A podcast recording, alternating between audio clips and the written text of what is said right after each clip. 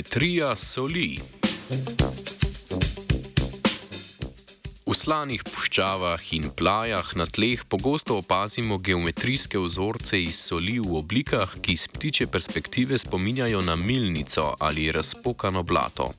V vzorcih zidovi soli ločujejo mnogokotne celice, prav tako slane površine. Mednarodna raziskovalna ekipa je v reviji Physical Review X ponudila razlago nastanka teh geometrijskih slanišč. Slanišča nastajajo v raznovrstnih okoljih, kjer izpari več vode, kot jo pade na tla. Najdemo jih na več kontinentih, denimo v Čilu, Tuniziji, na Kitajskem in v Iranu. Zidovi soli so lahko različne debeline, celice, ki jih omejujejo, pa so povsod velike med enim in dvema metroma. Geografske razlike pomenijo tudi razlike v tipih soli v slaniščih, vendar denimo čista kamena sol v Iranu tvori enake vzorce kot tista v Tuniziji, ki ima veliko primešanih sulfatov.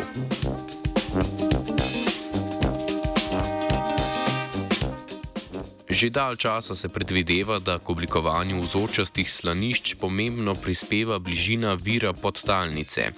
Mednarodna raziskovalna ekipa je za opis nastanka in dinamike slanišč želela združiti tokove podtalnice v njej raztopljene soli z vzorci na površju. Svoj teoretični model so zgradili na podlagi opazovanja suhega jezera, jezera Owens v Kaliforniji.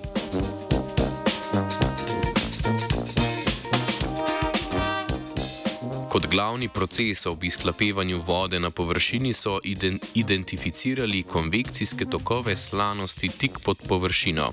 Na majhnem območju tik pod površjem, kjer izhlapi več vode, ostane bolj slana in posledično težja voda ker je težja od okoliške vode, potone in oblikuje stabilne stebraste vzorce slane vode.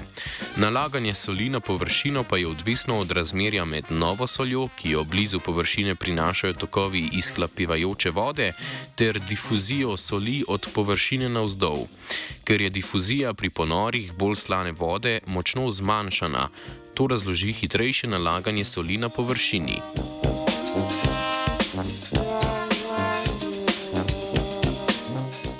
Raziskovalci in raziskovalke so tako morali samo še pojasniti, kako se lahko tvorijo stabilni konvekcijski vzorci soli. Sistem enačb so lahko zreducirali do zgolj enega parametra, parametra pardon, Rejlijevega števila in pokazali, da določa velikost konvekcijskih vzorcev tik pod površino. Ker Rejlijevo število ni odvisno od kemije raztopljenih soli, to tudi pojasni razširjenost opaženih vzorcev. Raziskovalci in raziskovalke kot prihodni izziv izpostavljajo razumevanje prahu, ki ga pogosto opazimo v zraku nad slanišči.